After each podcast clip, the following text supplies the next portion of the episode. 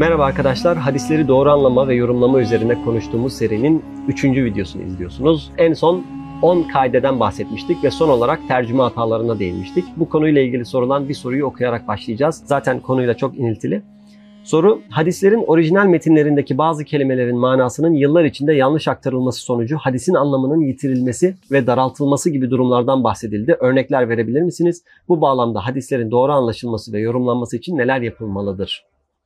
Evet, e, bazı hadislerin orijinal metinlerindeki bazı kelimeler yıllar içerisinde yanlış aktarılmış ve böylece bu hadisler yanlış anlaşılarak yanlış yorumlanmıştır.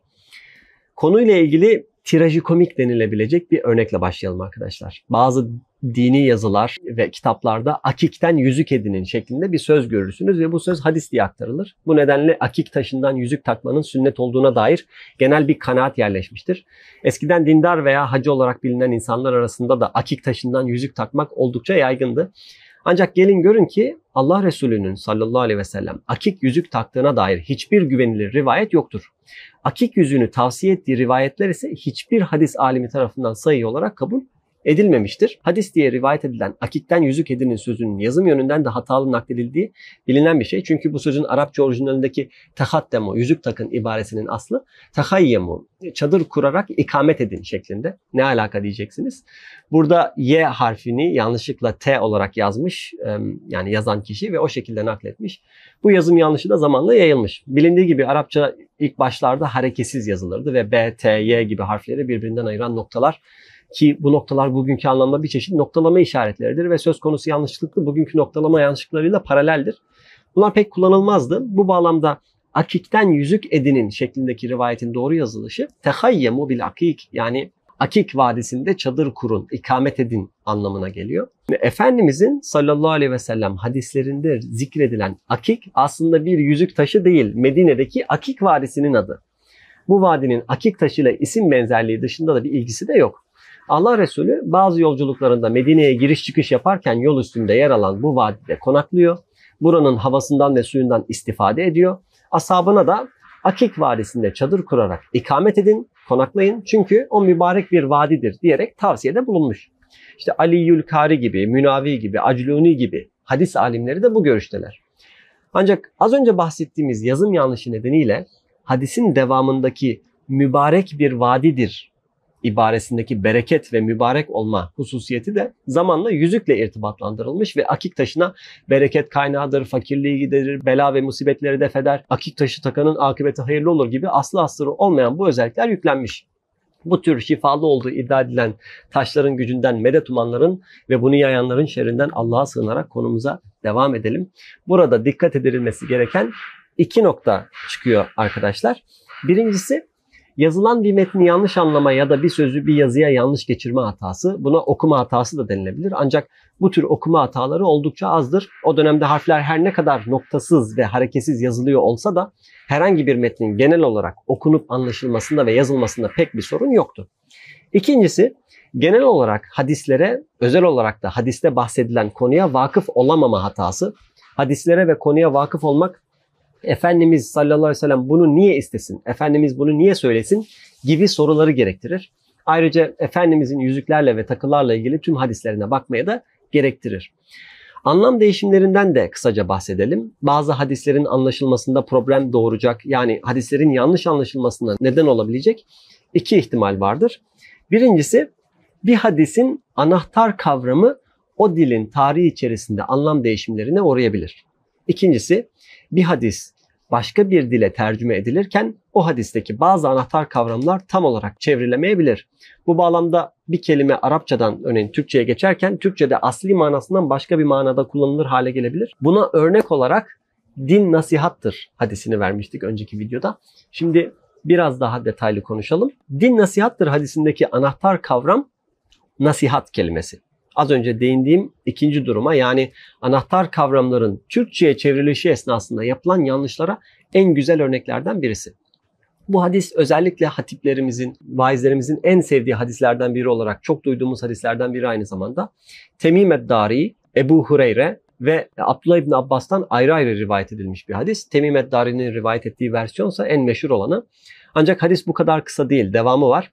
Devamında Efendimizin etrafındaki sahabe işte kime diye bir soru soruyorlar. Yani kime nasihattır? Hadisin tam metni şu şekilde.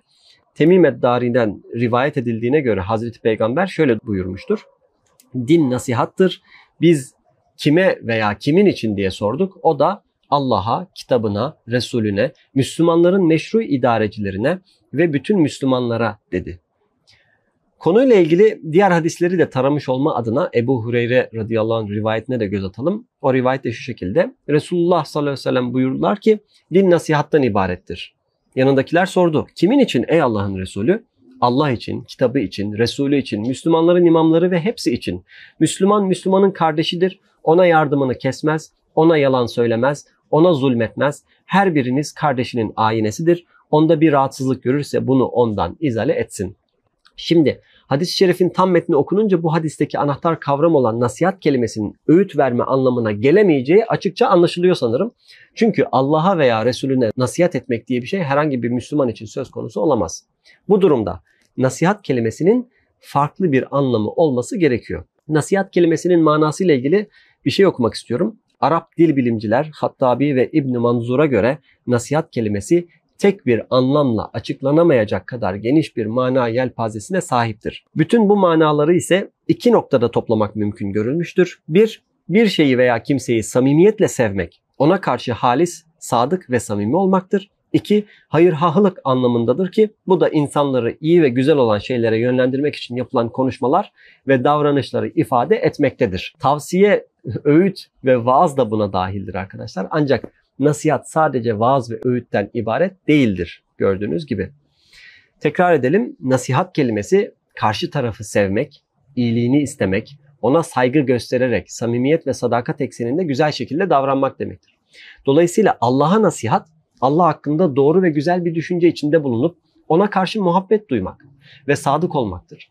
Efendimiz'e sallallahu aleyhi ve sellem karşı nasihat, ona sevgi ve saygı beslemek, sünnetine karşı samimiyet ve sadakattır. Müslümanların emirlerine yani alimlerine ve önde giden yöneticilerine karşı nasihat meşru işlerinde onlara itaat etmektir. Müslümanlara karşı nasihat samimi davranmak, kötülüklerini istememek, aralarında fitne çıkarmamak, sevgi, şefkat ve saygı ekseninde davranmaktır ki bu aile içi ilişkilerden toplumsal yaşamın bütün noktalarına kadar geniş bir daireyi içine alır. Hadis metninde geçen nasihat kelimesinin asıl anlamı budur öğüt vermekse oldukça ikincil bir anlamdır ya da bu geniş anlam evreninde küçük bir parçadır. Bir başka hadis ben kulumun zannı üzereyim hadisi. Ben kulumun zannı üzereyim şeklindeki kutsi hadiste de benzer bir durum söz konusu. Bu hadisi genellikle Allah hakkında güzel zan beslersek beslediğimiz zan gibi karşılık görürüz şeklinde anlıyoruz. Yani herhangi bir davranışa bir aksiyona dönüşmemiş zannın yeterli olduğu görüşü yaygın. Ancak hadisin devamına bakınca bunun böyle olmadığı anlaşılıyor. Hadisin tam metni şu şekilde. Resulullah buyurdular ki Allah Teala diyor ki ben kulumun hakkımdaki zannı gibiyim. O beni andıkça ben onunla beraberim. O beni içinden anarsa ben de onu içimden anarım. O beni bir cemaat içinde anarsa ben de onu daha hayırlı bir cemaat içinde anarım. O şayet bana bir karış yaklaşacak olursa ben ona bir arşın yaklaşırım. Eğer o bana bir arşın yaklaşırsa ben ona bir kulaç yaklaşırım. Kim bana yürüyerek gelirse ben ona koşarak giderim. Kim bana şirk koşmaksızın bir arz dolusu günahla gelse ben de onu bir o kadar mağfiretle karşılarım. Kutsi hadis metni dikkatle okununca her bir kısmında bir faaliyet, bir aksiyon hani anmak gibi, yaklaşmak gibi, yürümek gibi bir aksiyon olduğu. Daha da önemlisi ilk hareketin insana bırakıldığı görülüyor. Yani Allah hakkında gerçekten bir zannınız varsa bu bir amele dönüşür.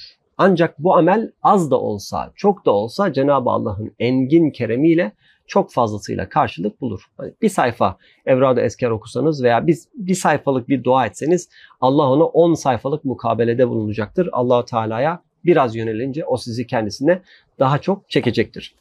Bir başka örnek kertenkelelerin öldürülmesiyle ilgili meşhur hadise de bakalım. Keleri yani bir kertenkele türü öldürmek sevaptır şeklinde nakledilen bir hadis vardır. Problem de hadisin bu şekilde hiçbir bağlamı, arka planı, alt metni olmadan aktarılmasından hani nerede, kime, ne sebeple söylendiği düşünülmeden düz bir slogan gibi aktarılmasından kaynaklanıyor aslında. Öncelikle hadisin tam metnine bakalım. Resulullah buyurdular ki sallallahu aleyhi ve sellem kim keleri ilk darbede öldürürse ona yüz sevap yazılır. İkinci vuruşta öldürürse daha az kazanır. Üçüncü vuruşta ise bundan da daha az sevap kazanır. Hadisin Hz. Ayşe radıyallahu anha validemiz yoluyla gelen versiyonunda ise annemiz şöyle diyor.